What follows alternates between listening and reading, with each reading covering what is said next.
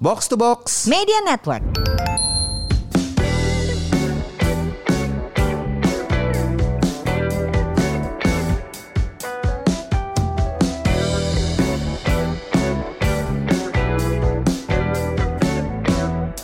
Buat apa sehat tapi gak punya uang? Buat apa makmur tapi sakit-sakitan? Halo, ini dia Podcast Semur bersama saya FX Mario Eh, Kali ini saya masih sendiri lagi Karena belum bisa ditemani oleh Ibu Ligwina Eh, Sekarang saya mau ngasih kamu trik untuk menurunkan berat badan dengan cepat nggak ada yang bohong, nggak ada yang menurunkan berat badan dengan cepat.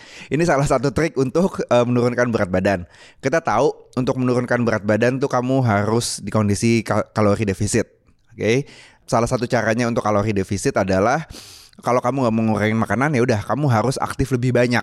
Nah, salah satu cara untuk aktif lebih banyak itu aktif lebih banyak dalam sehari itu kan kita tahu cara paling gampang adalah jalan 10.000 langkah tiap hari. Tapi kadang-kadang orang mikir, wah saya nggak punya waktu nih buat jalan 10.000 langkah tiap hari. Gimana dong caranya ya biar bisa tetap aktif jalan? Oke, menurut saya salah satu trik paling gampang adalah kamu bagi tiga.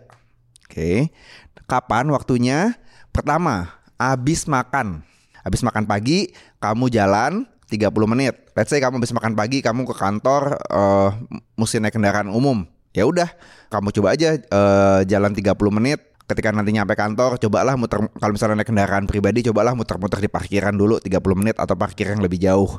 Yang kedua, habis makan siang tentu saja. Habis makan siang kamu bisa jalan-jalan muter-muter eh, ya sekitaran kantor atau di lah kalau kamu kamu ke mall apa gimana yang penting usahain untuk tidak makan di meja terus paling enggak bangun dari bangku lah kamu terus kamu makan eh, di tempat lain biar ada jalan kakinya. Yang ketiga tentu saja habis makan malam.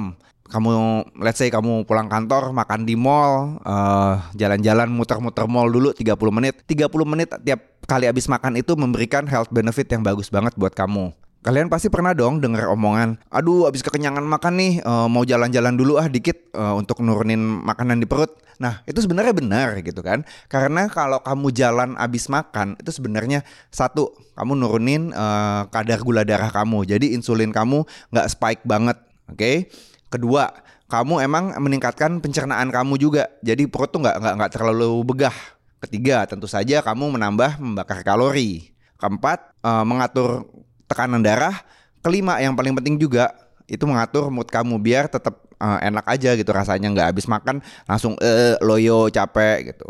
Oke, jadi udah siap untuk 10.000 langkah tiap hari?